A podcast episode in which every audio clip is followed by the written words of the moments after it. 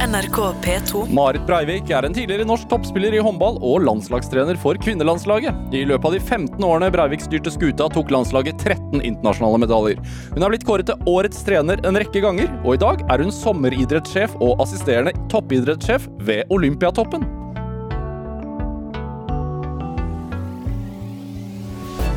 Dette er Drivkraft i NRK P2.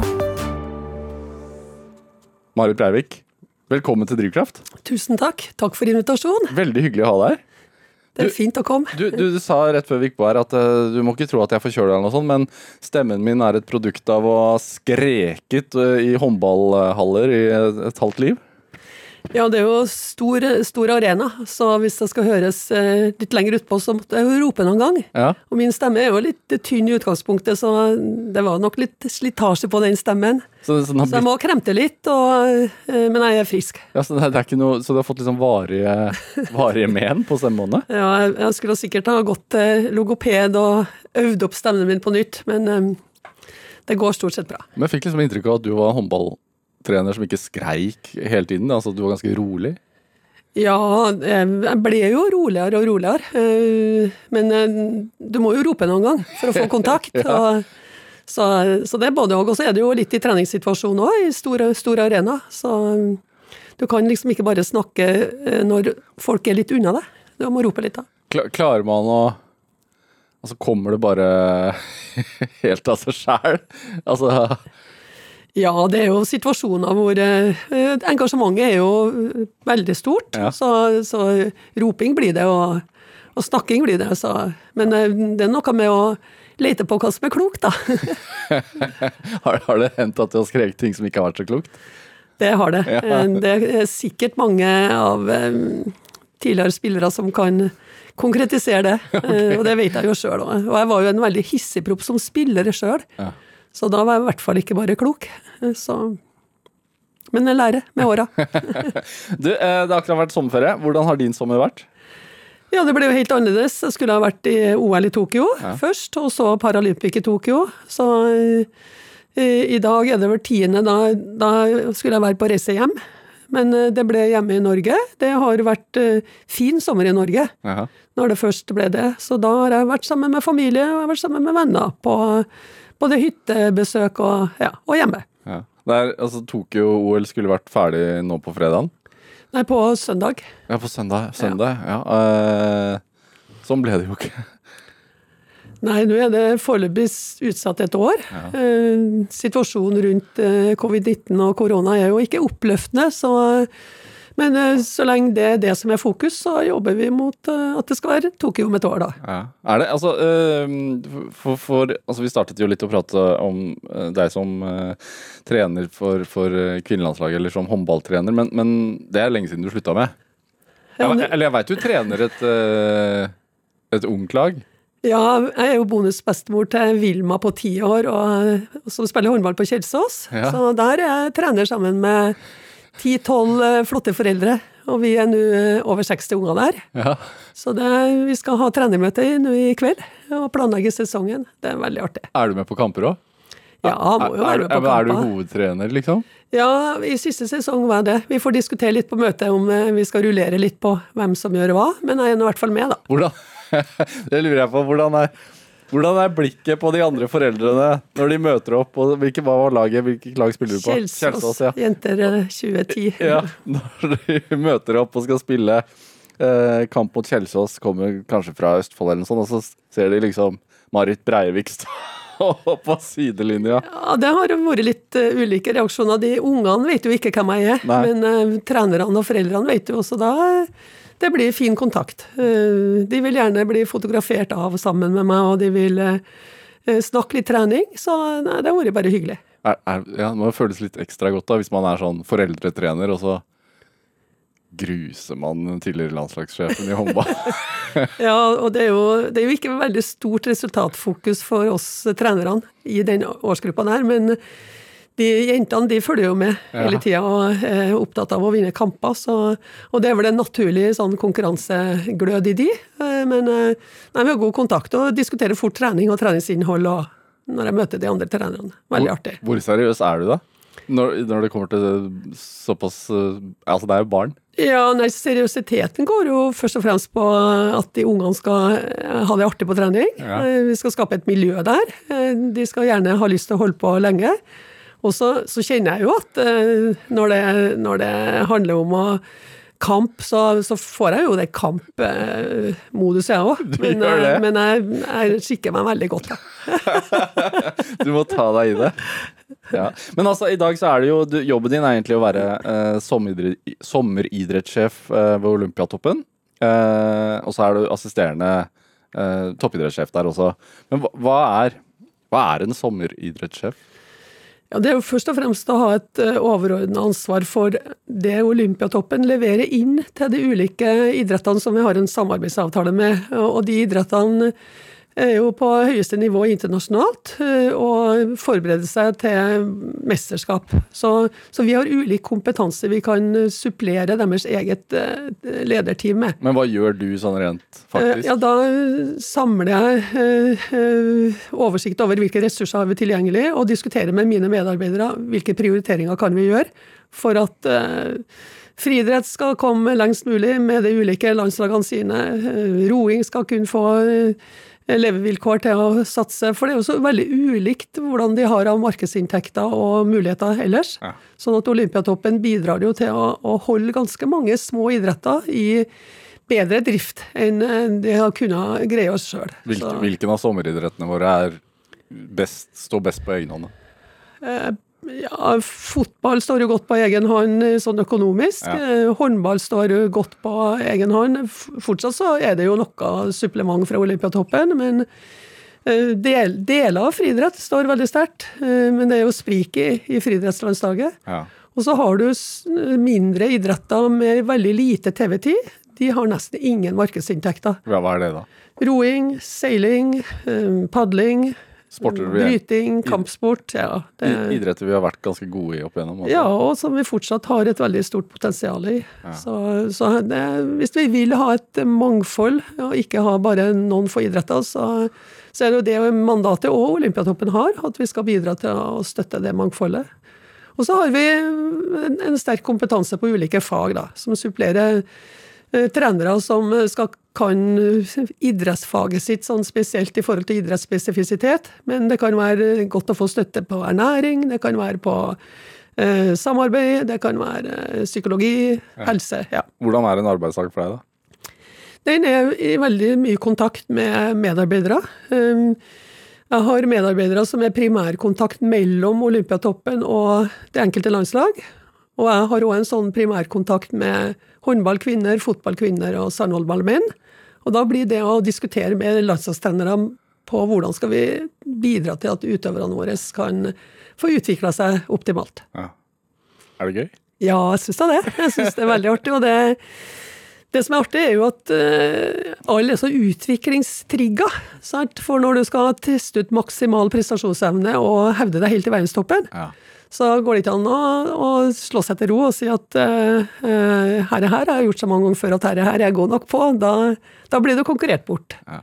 Så det utviklingsfokuset og gløden og lysten til å uh, gå nye veier, teste ut ting, ha lyst til å bli bedre, er veldig inspirerende.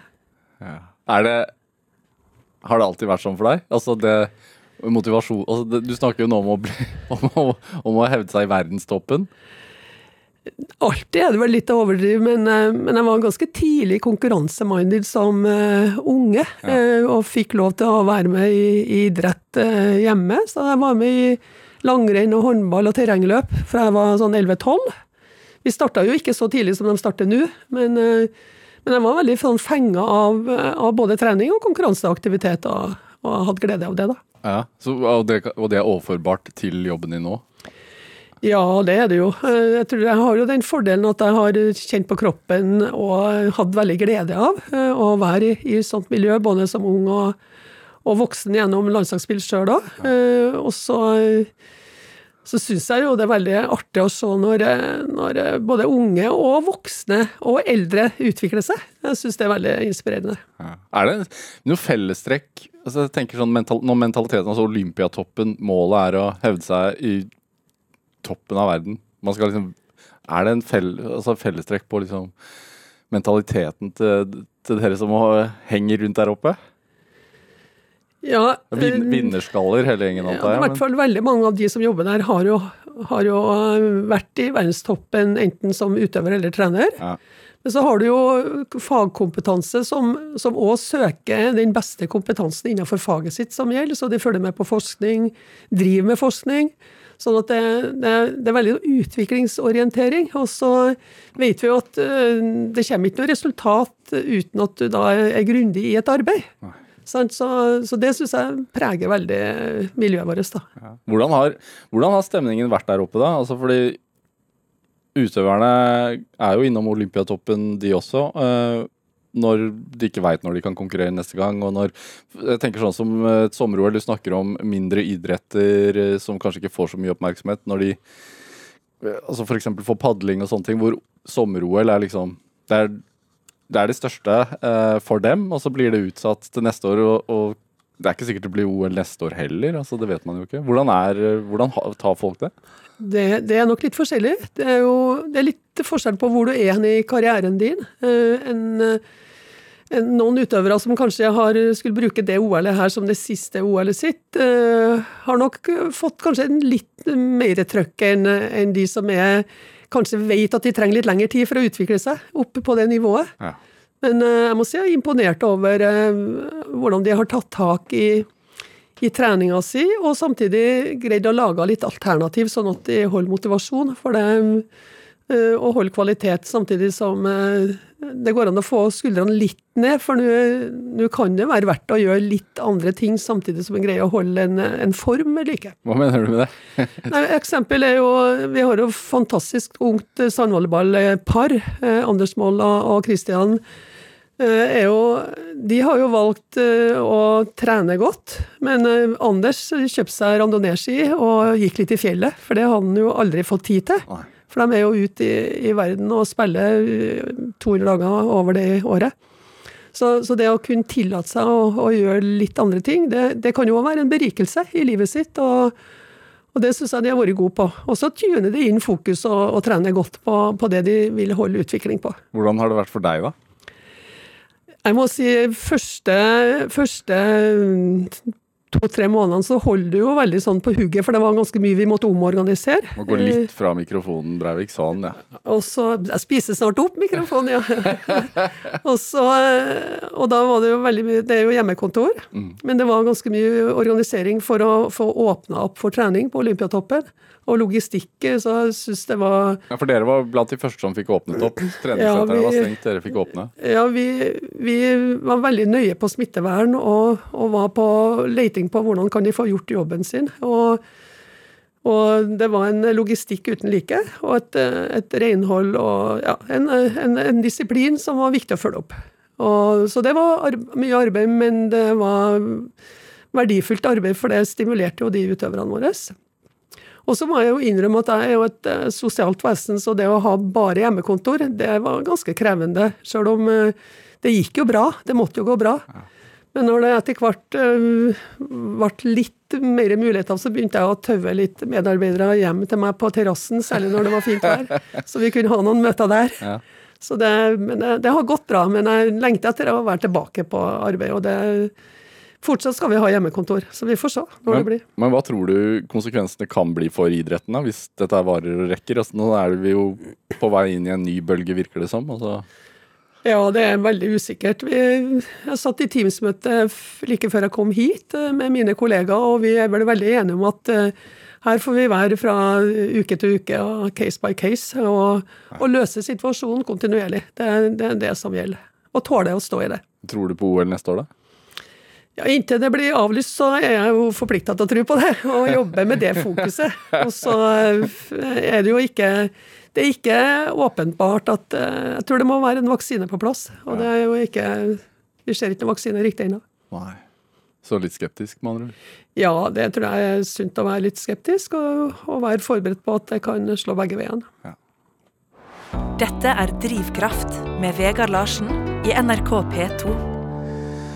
Og i dag er eh, sommeridrettssjefen ved Olympiatoppen, tidligere sjef for det norske kvinnelandslaget i håndball, Marit Breivik her hos meg i Drivkraft på NRK P2. Eh, Altså, du har blitt kåra til årets trener eh, fire, er det fem ganger? Nei, fire ganger eh, under Idrettsgallaen. Eh, du har fått masse priser opp igjennom eh, for din innsats som, som trener.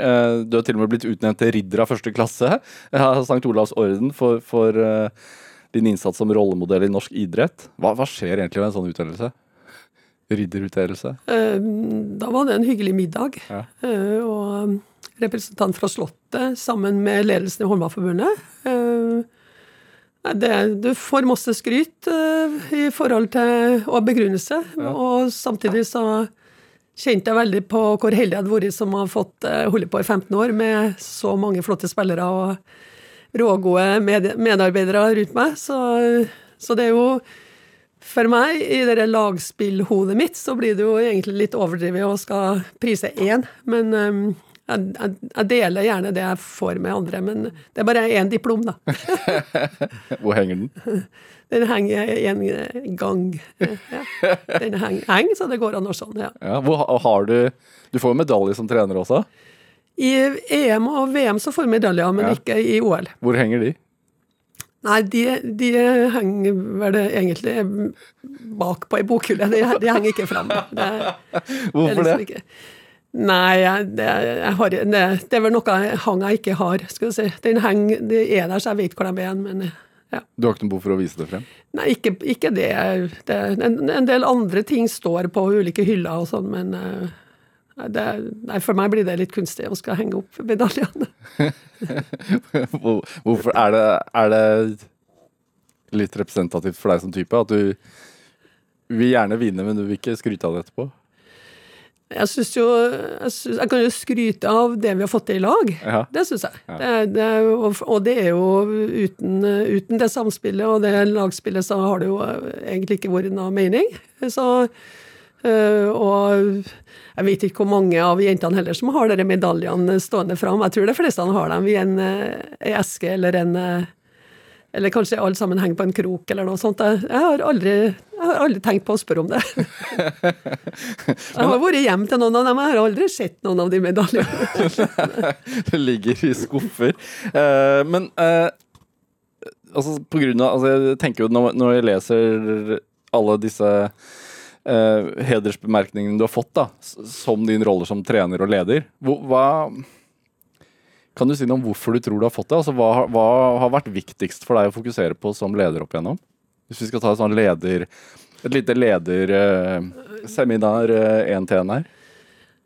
Eh, Det har nok utvikla seg litt. Eh, Jeg tenker De som var med meg i en sånn tiårsperiode, har kjent at, eh, at eh, vi utvikla oss sammen. Jeg tror det viktigste var jo egentlig å, å, å skjønne ressursen i den enkelte jenta og den enkelte medarbeider, sånn at eh, de virkelig kunne eh, begynne å tro på seg sjøl at de hadde betydning. For i starten, når jeg er involvert, så var det egentlig ganske passivt. eh, For de var vant til egentlig å bli mer fortalt hva som skulle gjøres. Så jeg bruker å si at det tok en sånn fire-fem år før vi fikk satt den kulturen på at det var naturlig og trygt å, å si både hva han mener og, og bidra med det beste av seg sjøl og tro på det. Eh, og det, det er jo det jeg syns er mest spennende med jobben. Det er det jeg syns er mest spennende med lederjobben i dag òg. Det at uh, de du leder, uh, blir god til å lede seg sjøl. Og, og blir god til å lede seg sjøl i forhold til det vi har som felles mål, og det de har som personlige mål. For det, det er viktig at det er rom for både personlige mål, og, og du skal yte mye for å nå felles mål. Og det, den, De prosessene der syns jeg er fortsatt er veldig artig. Men er du god til å se folk, da?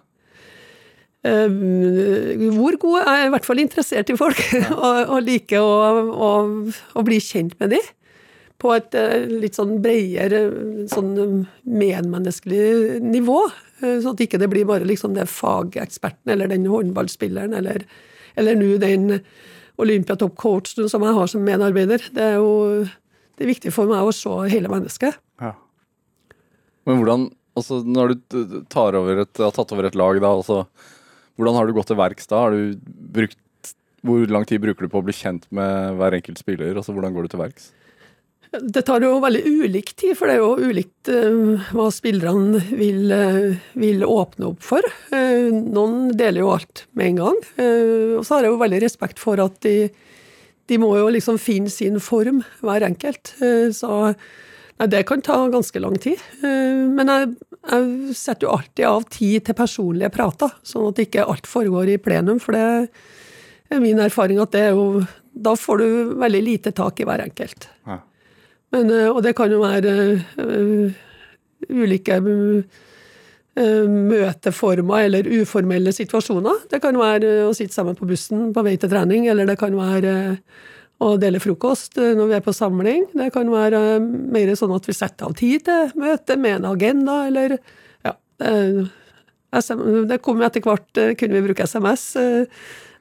Så det er jo hele tatt å være i kontakt. Men hvor viktig er det for at, at de skal yte sitt maks? Altså, fordi du hadde jo sikkert, altså, du har jo sikkert statistikk, du ser jo hva, hvor de er gode der og der. Å yte sitt maks er jo eh, Målet er jo egentlig at de finner en motivasjon til å, å ha en, en, eh, god, jevn innsats over tid. Ja. Og, og, egentlig prioritere, da, eh, i hverdagen. For jeg var jo ikke sammen med de mer enn mellom 80 og 90 dager i året. Eh, så, så var det jo for seg sjøl og i klubb. Så, så, det spilte ikke noen rolle egentlig Det spilte ikke så stor rolle hva, vi, hva de gjorde av maks når vi var der, hvis de slakka av når de var hjemme. Så målet var jo egentlig at de, de fant eh, ting de hadde lyst til å jobbe med. Eh, og de ville yte mye for å ta med seg inn i laget igjen. Så, og da, da, er det jo Da nytter egentlig det er ikke etter min mening å bare sette opp krav. De må, de må, de må vilje det sjøl. Ja, så det, det, handler, det de samtalene handlet om, er egentlig å finne en motivasjonsgrunn til ja, å yte, yte og, og igjennom? Noe som de sjøl òg kjent ga mening å jobbe med. Ja. Det, det, og det kunne ta litt variert tid, og, og ikke minst i forhold til hvor mye og når og ja. Men er det Altså, fordi du holder jo foredrag uh, som heter Team som metode. Uh, hva, hva, hva, er det for noe? Ja, Det er mer den krafta som jeg opplevde var i, i hele laget, uh, og hvordan to og to, tre og tre virkelig kunne samarbeide til å løfte den. Og, og, hente støtte fra hverandre. Og I lagspill så er det jo ganske logisk at vi må lete på hvordan vi får det til i lag. Eh, men når det gjelder også sånn personlige utviklingsoppgaver, så kunne det være en veldig ressurs i en spiller-medspiller. Som kunne være god på et område, som kunne være med på å coache en, en medspiller. Eller eh, spare, eller hva du uh, Trene sammen, eller så, så dermed så ble en team som metode ganske systematisk over tid. Det kunne være eh, et trenerteamet som jobber for å utvikle hverandre. Det kunne være eh, helseteamet som jobber for å samarbeide bedre. Så team i teamet ble, eh, ble veldig sånn slagkraftig over tid. Ja. Og i målvaktsteam, kapteinsteam Vi kunne lage ulike typer team, da. Og, det, og, og litt forskjell fra perioder til perioder, men hovedmålet med det er jo at det er en hensikt med det, det er et mål med det. Altså når vi laga målvaktsteam i 1998. så var det hovedmålet at Norge skulle ha den beste målvakta til enhver tid. Ja. Eh, hvordan kan de samarbeide, sjøl om de òg konkurrerer? For det er jo faktisk et litt sånn eh, dilemma noen ganger, det. For alle vil jo helst stå og være mest mulig på banen. Og så er jo vi heldige i håndball. Vi har et regelverk som gjør at du kan bytte ut og inn så ofte du vil. Det er litt mer krevende på fotball, for hvis du bytter ut, så kommer du ikke innpå noe mer i den kampen. Så, men, men holdninga til å gjøre hverandre god er, er, veldig spennende. Er det vanskelig, tror du, for folk å både, jeg tenker både for, innenfor arbeidsliv, hvor man uh, vil, kanskje vil stige i gradene eller vise at man er, er, flink til det man gjør, men også på idrettsbanen, eh, hvor man vil skinne kanskje som en ener. At, at jobben din er faktisk å gjøre medspillerne dine bedre. Er det, er det vanskelig for folk? Ja, og det kan være litt uvant å tenke sånn. Og, og det, det, er ikke alltid at folk eh, skjønner riktig hva de skal gjøre.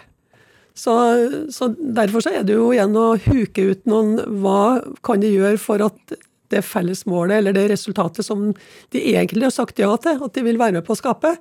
Eh, ja, men hva betyr det hvis du gjør sånn sammen med hun eller han? Eh, Så, så det å få åpna opp litt på det, det er min erfaring at det, eh, og flertallet av oss eh, liker jo gjerne å få til ting i lag med noen andre.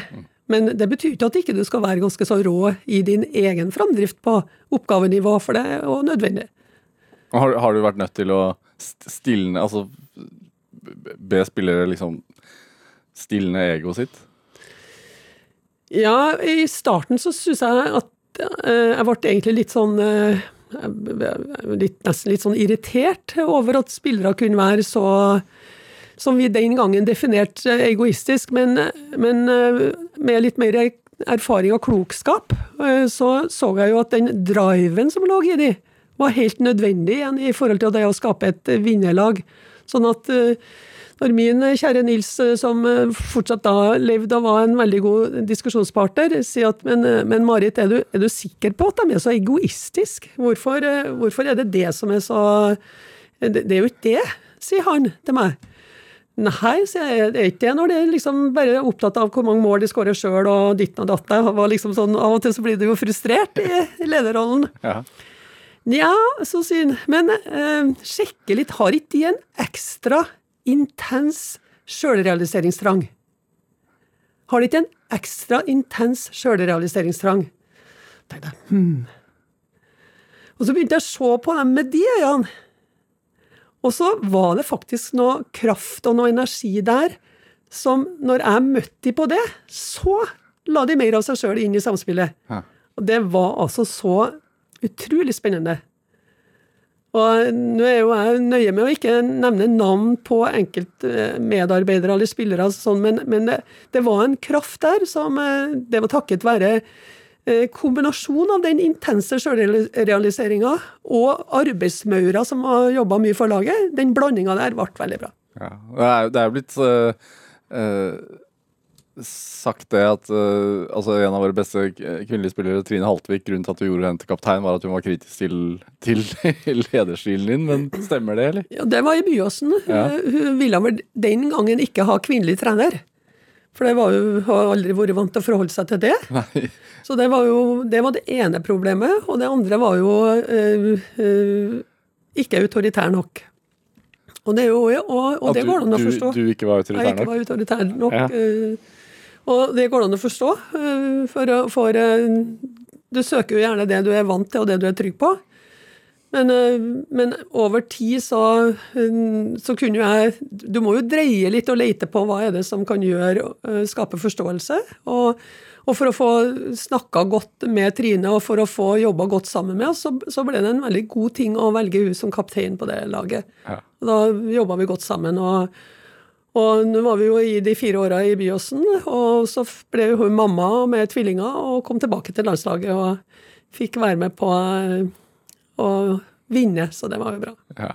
Er det eh, du, du, nevnte jo samarbeids... Eller samtalepartneren. altså Du sa Nils, bare, men også, bare for å si det, altså tidligere ektemann i Nils eh, Hersberg. Eh, altså, er det jeg tenker Denne ledelsesfilosofien, denne å spille andre bedre Nå er jo de, din ekspertise her jo innen idretten. Eh, er det Kan man ta altså, Det er ikke sikkert alle som hører på driver med idrett. Kan man ta med seg den inn i andre arenaer, tenker du? Altså i arbeidslivet og, og i andre organisasjoner? Som både klubbtrener og landslagstrener så ble jeg jo veldig ofte invitert til samarbeidspartnerne våre. Og jeg var jo da særdeles opptatt av å ikke begynne å snakke om hva de skulle gjøre, for jeg kunne liksom ikke det gjensidige forsikring holdt på med, eller, eller Posten for den saks skyld, sant? Sånn, men, eh, men det var å dele metoder og hvordan vi jobba. Og så er jo, det er jo mennesker som jobber i arbeidslivet òg, enten det er i offentlig sektor eller det er i næringsliv. eller det er- så, så når de da hørte hvordan vi tenkte og hvordan vi jobba, så ble det metode mer. Men jeg har jo veldig respekt for at eh, den som skal være leder i andre eh, skal kan et fag.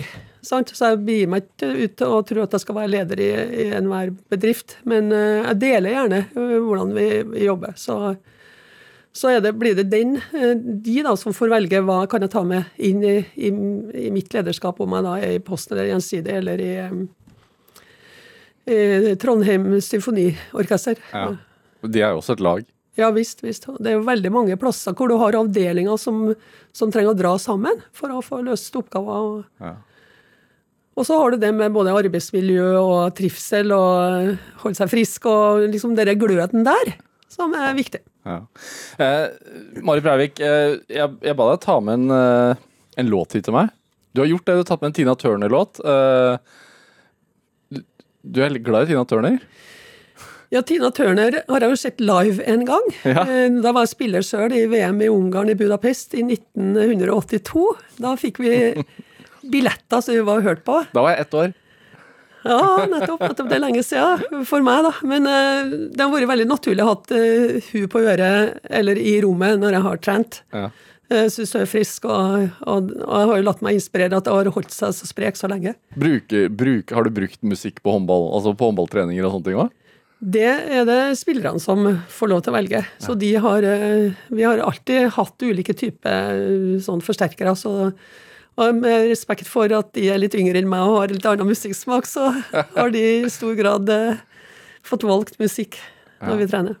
I dag så er det i hvert fall altså Det er vi da som har valgt Tina Turner-låt. Jeg tenker en dame som gjemmer bort medaljene sine på en krok, ville kanskje ikke valgt den låten her, men eh, i hvert fall denne låten er fra 88, da. Det er litt seinere enn 81. eh, Nei, 82. Det er Tina Turner med The Best.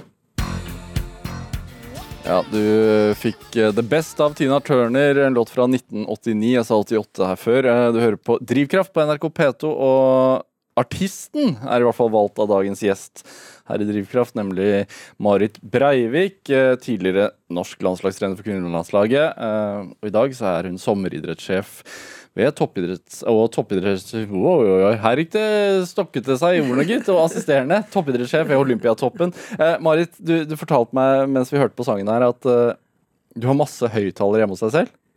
Og hvis du Og det hender at du bare fyller hele huset med musikk. Ja, særlig hvis jeg kjenner at jeg er litt sånn litt daff og litt lat og skal enten, Nei, når jeg, når jeg, er, Og det hender Kan jo du bli lat og daff? Ja, det hender jo det. Men jeg syns det er fint å fyre på litt eh, skikkelig volum da, ja. Med, med link i arbeidsrommet og på badet og på soverommet og på stua. Det, da blir det litt uh, liv i huset. ja, sånn, for, for hvert rom så bare fylles du med energi, liksom? Ja, ja. Ja. Men er, er, er, musikk er viktig for deg? ja, det er viktig. Det er ikke sånn at jeg hører konstant, men jeg har mye variert musikk, og, og jeg kan bli veldig sånn fenga, og da kan jeg liksom holde på litt lenge med, med musikk. Og så kan det gå litt tid også. Ja. Eh, altså, vi, må høre litt om hvordan denne idrettsinteressen starta. Altså, du er egentlig fra Levanger. Uh, hva slags sted er Levanger, eller var det under oppveksten din? Altså, det er eh, Trøndelag, dette her. Ja, Levanger er jo en uh, passe stor kommune, vil jeg vel si. eh, med 10 et, 000 eh, innbyggere, eller noe sånt? Nei, det må være under 20, tror jeg. ja. Ok, Det, er- det er et lite sentrum, og så er det en del sånne bygder rundt. Og jeg, jeg var jo Akkurat der jeg bodde, så heter Vassdalen. Et veldig sånn trivelig sånn boligområde med masse unger. Eh, det var ti minutter å gå opp til barneskolen, eller folkeskolen som det het. Bratt motbakke. Og det var mest gutter på min alder, så jeg eh, holdt på med mye sånn aktiviteter, altså fotball og ski på vinteren, og, for jeg var bare lita. Det var jo ikke noe barnehage den tida, så det var jo først da jeg var sju år og begynte på skolen. Men Du, du har to søsken? Nei. Har ei søster som er ett og et halvt år yngre, og en bror som er ni år yngre. Ja, ok, Så, det var ikke konkurranse ja. derfra? Ja, søstera mi og jeg, vi var jo ganske hjemme da, sånn etter hvert, da, så Men um, det var fin leik og, og foreldre som var opptatt av oss ungene. Og, men det var ikke noe idrettsaktivitet. Det møtte jeg på skolen første gang. Det var sånn kommunemesterskap i både friidrett og, og skoleturnering i håndball. Og i den skoleturneringa så ble jeg bare tilfeldigvis med, og da var det to eldre fra klassen over og enda en klasse over, to søstre, som sa Marit, du må bli med på håndballtrening. Og så i hallen. Eh, og så må du ta med håndkle, for vi skal bade etterpå, sa de. Så tenkte jeg, å, er det svømmehall her? Så, så, så jeg husker jeg spurte, og en enda det der, da var jeg jo elleve år. Men Gerd, skal jeg ha med badedrakt? Nei, vi skal bare dusje etterpå. Så det var liksom, Men det husker jeg veldig godt. Og så ble det langrenn den vinteren der, og så ble det terrengløp. Så jeg holdt, var veldig aktiv eh, unge. Men du var Altså, du hadde anlegg for det, da? Ja, jeg var ganske tidlig stor for alderen. Jeg tror når jeg var konfirmert, så hadde jeg vokst i Jeg har den bunaden fortsatt. Den er lagt ut litt, da. Men, eh, så jeg var, var, ganske stor for alderen og var sterk og var aktiv. Så jeg var, gjorde det bra både i langrenn og i håndball. Du, altså når, du, vi, vi, snakket jo så vidt om at du i dag trener eh, ungjenter. Du fikk jo etter hvert hva var det, 140 landskamper eller noe sånt eh, for landslaget. Kan man se veldig tidlig hvem som kommer til å bli god? Kunne man se det på deg?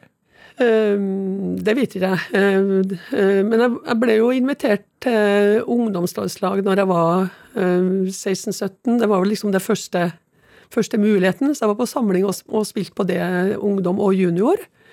ja, du kan, du kan se talent tidlig, men det trenger ikke å være at du blir god som senior, for det, det krever veldig lang og mye innsats over tid. Ja.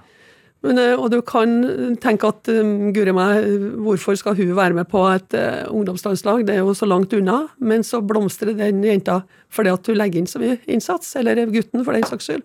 Så, så er jeg i hvert fall veldig bevisst på å ikke utelukke noen sine utviklingsmuligheter.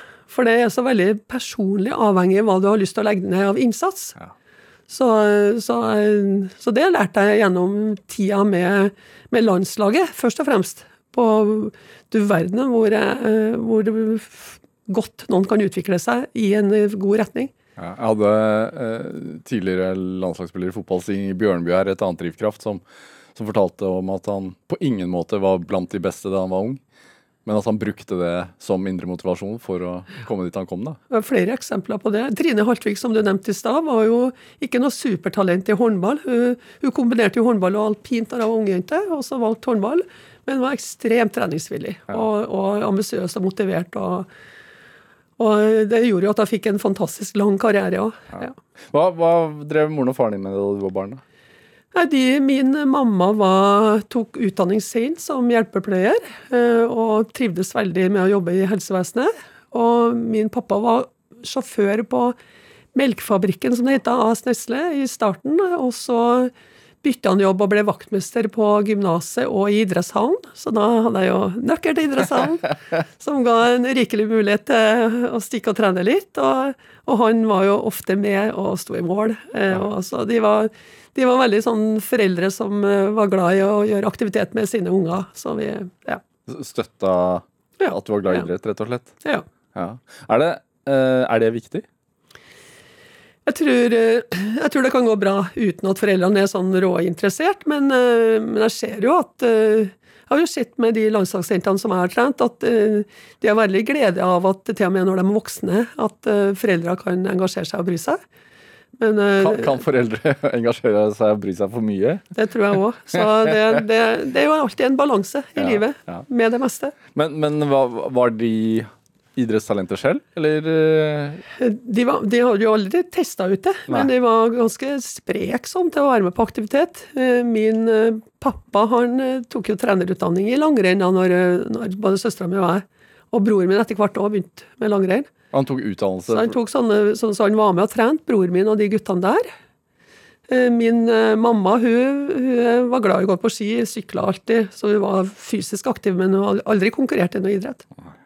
Var det, altså, uh, Moren og søsteren din fikk uh, tuberkulose da du var veldig ung? Ja. Uh, de, Hvor gammel var du da? Da var jeg, var jeg fire år. Fire på det femte året. Så jeg var Det var i 59, mener jeg. Ja fire år. Og de måtte på sanatorium, og jeg måtte være på barnehjem en, en periode, sånn at faren min kunne jobbe.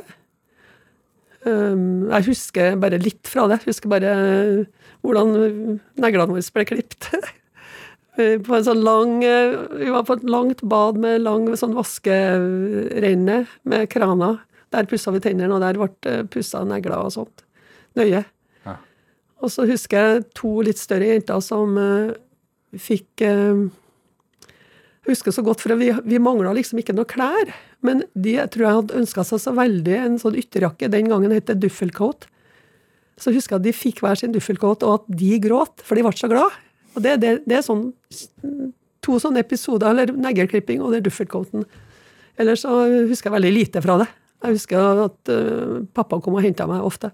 Ja. Ja. Så det var uh, det var ikke noe barnehage eller noe sånt på den, gangen, den tida? Nei, det var, det var ikke, ikke på Levanger. Nei. Høres ut, 59. det høres ut som, uh, det høres ut som fryktelig lenge siden. Ja, man- jeg er voksen dame, jeg nå, vet du. Så. jo, men det er jo ikke så lenge siden. Og så, og så havner man på barnehjem. Da. Det høres veldig dramatisk ut. Ja, ja, visst, visst. Det, jeg har ingen sånne dramatiske opplevelser. Jeg har, har en eh, opplevelse. Vi skulle dra til Trondheim. Eh, Min mamma var på Ringvoll sanatorium. Så skulle vi dra til Trondheim og besøke hun. Og det lå jo litt utafor byen. Og vi skulle i hvert fall ta en trikk. Så det sto to trikker der, så vi gikk inn på en trikk. Det var ikke noe trikkefører der, men så sier eh, min far da at sitt litt her, så skal jeg høre om det er den trikken som går. Og det husker jeg, at jeg ble sittende alene i ett minutt. Så, men det gikk bra. Han kom tilbake, vi bytta trikk. Det var feil trikk. altså det var frykt for å bli ja, ja, det var skummelt. Ja. Men er det Hvor lenge var de syke? da? Et år? Nei, det var øh, seks måneder, og sju måneder var de borte. Er det øh, halvår. Ja. har, Tror du det har liksom øh, gjort noe med ditt livssyn? Det har jeg da aldri tenkt på. Du, du, jeg har hørt at du har sagt at du har et realistisk livssyn. Ja, jeg føler det, og det har jeg vel fra min mor, tror jeg. For hun mista jo sin mamma den samme sommeren. Og da var jo eh, mora mi bare 26 år, sant? Så, og, og bestemor døde av kreft da. Så det der å, å tåle livet, og det livet gir, eh, tror jeg har jeg fått veldig gjennom eh, oppdragelsen min fra min, min mamma. Så og, og dermed eh, har jeg også trent på litt perspektiv i den sammenheng. Så, Hvordan gjør man det? Nei, det å åpne øynene og se litt rundt seg, eh, hvordan verden ser ut, er jo, er jo ett, en mulighet. Og, og samtidig um, kjenne på hva en òg har, så at ikke en blir bare opptatt hva en ikke har. Det er i hvert fall en, en, har vært en vei for meg, da. Um, Nei, og, og jo mer jeg tenker tilbake på min mor, så var jo hun utrolig sånn god på det, da. Eh, Og bodde jo over 100 mil unna sin pappa, sant. For han eh, bestefar bodde i Nord-Troms, og vi bodde på Levanger. Og, så det var jo langt unna, og det var jo ikke FaceTime og SMS den gangen. Det var brev og, og en gang iblant ned til Telegrafen og bestille time på, til Oksfjorden. i boks nummer to, når vi ble ropt opp. Så, så det var en helt Jeg tenker på den tida der, hvor, eh, hva hun måtte tåle, og hvor god hun var i rollen. Så det Er det, er det en god egenskap, tenker du? Altså at man har et realistisk livssyn når man driver med vinnermentalitet? Ja, jeg tenker at uh, Er du realistisk, da, så vet du at uh, du kan vinne, du kan tape. Og du, du får av hva er det verste ved det ene eller det andre. Så, så jeg har jo ikke dvela veldig lenge med verken om vi har gått til topps, eller om vi har uh, fått en ordentlig nesestyver, for vi har opplevd begge delene. Uh, det har blitt liksom hva blir neste mulighet? Uh, ganske så fort. Så han nyter det egentlig ikke heller, på toppen? Ja, det, det gjør det jo, for at du, du, du, kjenner jo den energien og den inspirasjonen det er. Ja.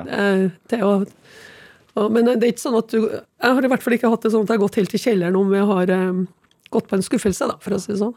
Men det, det kan man vel ikke, for da, hvordan kan man da overleve som, i den rollen? Eh, nei, det, det, da, da blir du litt klein å ha med å gjøre, i hvert fall over litt tid. ja. Men jeg, jeg tenker sånn som eh, Kvinnelandslaget, du, du var jo sjeftrener der i mange, mange år. Eh, I andre idretter så bytter man jo ofte, i hvert fall innen fotball, så bytter man kjappere enn det. Eh, jeg, jeg tenker Du må jo ha et ekstremt fokus og en evne til å stadig motivere deg. fordi når man har vunnet et gull, så må man motivere seg for neste. Altså sånn Hvordan jobber du for å holde det fokuset oppe? Ja, det, jeg, vet, jeg vet ikke om det nødvendigvis har vært så mye jobb, for det har vært mer det har hatt mer, mer glede av jobben, Ja. og de du har jobba sammen med. Og så er det jo òg gjerne når du holder på med toppidrett, så er det jo noen nye unge som kommer inn. Selv om du har kanskje en kjerne med spillere som er med over tid, så er det nye som kommer med inspirasjon og ny motivasjon og har lyst til å oppnå noe de ikke har oppnådd før. Og, så det, det, gir jo inspirasjon i, i jobben. Ja. Og så er det jo eh, Ser vi liksom at eh, selv om, om en kan si at idrett kanskje ikke er det viktigste i livet, men så ser vi jo likevel at det betyr mye for folk. Og, det å kunne være med på å berike andre gjennom det du gjør, er jo òg inspirerende. Så jeg har fått så mange eh, positive eh, lykkeønskninger og meldinger i forhold til adventstida som de gleder seg til, for da er det mesterskap med håndballjentene. Ja. Så, så det, nei, det har vært veldig jeg har veldig sjelden hatt noe motivasjonsproblem. Jeg kunne ha vært trøtt noen gang av å pakke ut og inn av koffert Eh, og reiseaktivitet, men, eh, men utover det, selve oppgavene syns jeg har vært veldig artig. Men hvor tilfeldig tenker du at det har vært at du har havnet der du har? Fordi du er jo egentlig utdanna lærer? Ja, også som ungjente så skulle jeg egentlig satse på langrenn, for jeg, jeg begynte å ta meg fram godt der. Men så, så var det jo to eller tre spillere på seniorlaget til sportsklubben Nessegutten som ble gravid, så det ble litt manko på bakspillere. Så da kom jo formannen, som det het den gangen, eh, hjem til oss og sa at Marit, du må ikke ta pause. Du, du må bli med neste sesong, ellers har vi for, for lite spillere. Og da var det ikke mulig å kombinere lenger når jeg var 16. Så dermed så ble det håndball. Så, men, eh, men, som spiller og, og Jeg begynte jo å trene unger når jeg var bare en 14-15 år sjøl. Så det har jo ligget litt sånn lærer og trener er jo veldig likt, da. Ja. Så, men at, at, bli, at, jeg skulle bli trener på fulltid, det lå ikke i planen. Eh, jeg, jeg, tenkte jeg kom til å bli lærer eh, framover. Men eh, så kom Byåsen i 1988 og spurte om jeg kunne tenke meg å være trener. De var blakk og kunne tenke seg en trener til lærerlønn. De hadde ikke råd til mer. Og så var livssituasjonen min sånn at det kunne passe, så jeg fikk permisjon fra lærerjobben på Verdal videregående skole og, og ble i Byåsen i fire år. Ja. Ja. Hva satte du deg som mål da? da? Nei, egentlig Jeg hadde jo permisjon fra lærerjobben, så det var jo, var jo åpen på å gå tilbake i lærerjobb, da. Men sammen med Byåsen, så De var jo, de var jo blitt seriemestere et år, Byåsen. Hadde en uh, kroatisk trener i fire år. Uh, flink trener. Så, men de hadde ikke kommet noe videre i Europacupen, og de hadde ikke vunnet cupen, altså NM. Så sammen med laget så ble jo det en, en målsetting, og vi, vi nådde jo det. Eh, litt etter litt. skal si. Jeg tror vi ble cupmestere første gangen første året, og så vant vi alt en periode. og Så, så det gikk jo bra. Ja. husker, du, på, husker du ditt første spillemøte? Det kommer du som per, altså, permisjon fra læreryrket inn og tar over. Og det var jo, som du har vært innom, det var ikke så veldig mange kvinnelige trenere den gang? Jeg var jo heldig sjøl og hadde Karen Flatseth som kvinnelig trener i ja. landslaget. Så, men uh, Nei, jeg husker ikke det spillemøtet. Det, jeg eh, hadde gode landslagsspillere der. I, i, både svenske Mia Hermansson Høgdal og Trine Haltvik og Karin Pettersen. De var jo de var fokusert og klar til kamp. Men er det, er det litt sånn for Nylig så fikk du jo masse oppmerksomhet rundt det at det har blitt en, en kvinne som har tatt over et eh, terrefotballag. Har ting forandret seg? Det syns jeg går veldig seint. Um, I forhold til at gutta i toppidretten vil la seg trene av kvinnelige trenere. Det, det er noen friidretts, uh, friidrettsutøvere som blir trent av sin mor. Ja. Men ellers er det en ganske sein, konservativt system i toppidretten. Mye senere enn det er ellers i, i uh, samfunnet. samfunnet. Ja. Ja, ja. Så det blir spennende å se om det Hvorfor er det sånn, tror du? Um, Nei, det, nok, det, er nok det kjønnsrollemønsteret hvor det har vært tradisjon at det er mannlige trenere som tar over litt eldre utøvere. Uh, sånn at rekrutteringa er ganske smal på, på kjønnsnivå der. Uh, mange mødre som trener barn og unge opp til de er 12-13-14 år, og så tar uh, menn over ja. i stor grad. Men det er, jo, det, er jo, det, er jo, en bevisst rekrutteringsmåte. Og så er det jo det er jo ikke like lett eh, hvor mye tid skal du bruke når du begynner å etablere familie osv. Så, videre, så det er alltid en sånn balanse på, Men hvis det blir flere stillinger, rene stillinger, så tror jeg det er flere jenter som blir med i den trenerrollen. Men å kombinere det med sånn doble roller og triple roller, det tror jeg er få jenter som vil prioritere. Mm. Er det, Jobbes det da for en endring, eller er det noe som bare må komme, komme over tid? Jo, det, det, er jo flere. altså Håndballforbundet har vært på der og jobber bevisst på det, eh, samtidig som det fortsatt ligger igjen litt i forhold til å øke stillingsbrøken, sånn at eh, det blir bedre tilrettelagt. Eh, men det er flere idretter som er bedre på det, men, og Idrettsforbundet kjører stadig noen prosjekt på det. Ja. Men det må, det må sterkere kraft til for at vi skal få det til over lengre tid. Ja, hvorfor er det viktig, da? Jeg tror vi går tapt av en ressurs der. Det er jo ikke noe grunn til at det ikke skal være flere eh, ledere innenfor idretten, tilsvarende som det i samfunnet ellers. Ja. i forhold til, så, så det er jo idretten som taper på det. Ja. Er det, altså når man står på toppen der en, øh, og skal styre et lag, er det ensomt? Og så tviler man noen gang på egne metoder?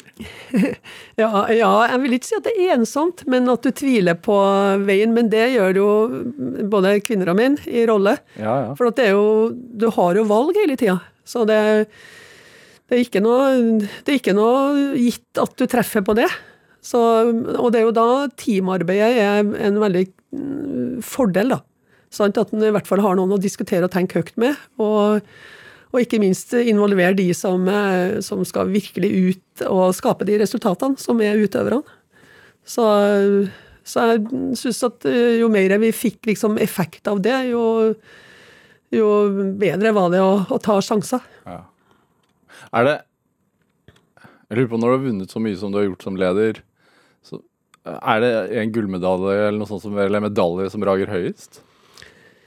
Jeg har ofte fått det, det spørsmålet der, og da, da, husker jeg jo første gang vi klatra til topps eh, i 98 i EM. Det var jo veldig stas. Ja. For jeg trodde jo, eh, når jeg ble trener i 94, at eh, når jeg så så mange gode spillere, så tenkte jeg at her skal vi til topps kjapt. Og så tok det liksom fire år. Ja. Men samtidig, og så var jo stas når vi ble verdensmestere året etter. Men når, når, vi måtte vente så lenge på OL-gull, så, så, tenker jeg at det, den Og jeg husker jentene òg, den smakte ekstremt godt, altså. Den, eh, den gjorde det, jeg må bare innrømme det. Hva er det som driver deg i dag, da? Dette programmet heter jo Drivkraft.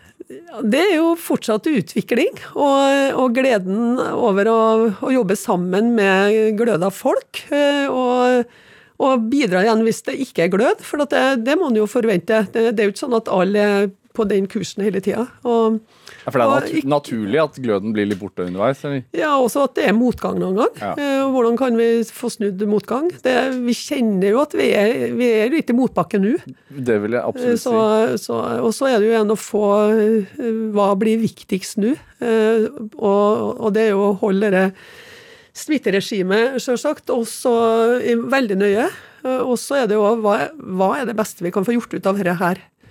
Og, og, det å være åpen for at da trenger vi litt forskjellige eh, ting. At ikke alt skal gå i samme løpet. Hvor lenge kan man drive publikumsidrett uten publikum, tenker du? Ja, så lenge De som har TV-sendinger, har jo en fordel. Og, og, TV og radio kan jo formidle masse. Og, og nett, nettet men det er jo ganske tamt, da. Jeg så jo på Rosenborg-kamp i går. Ja. Og Det er ikke det, samme. Det er ikke det samme. Det er, men, eh, men, eh, så kan du si at eh, det er veldig mye bedre at det er. Ja. Enn at det ikke skulle vært noe. Ja, ikke sant. Så, og man trenger jo idretten kanskje mer enn noen gang. Eh, Marit Breivik, tusen takk for at du kom hit til Drivkraft. Takk for invitasjonen. Hør flere samtaler i Drivkraft på NRK på nett, eller last oss ned som podkast. Send oss også gjerne ris og ros, og ikke minst gjesteforslag på drivkraft, krøllalfa, nrk.no. Eh, produsent i dag var Pål Arvid Jørgensen. Ellen Foss Sørensen bidro også sterkt til dette programmet. Jeg heter Vegard Larsen, og i morgen kommer vinkritiker Merete Bø hit til meg i P2. Vi høres.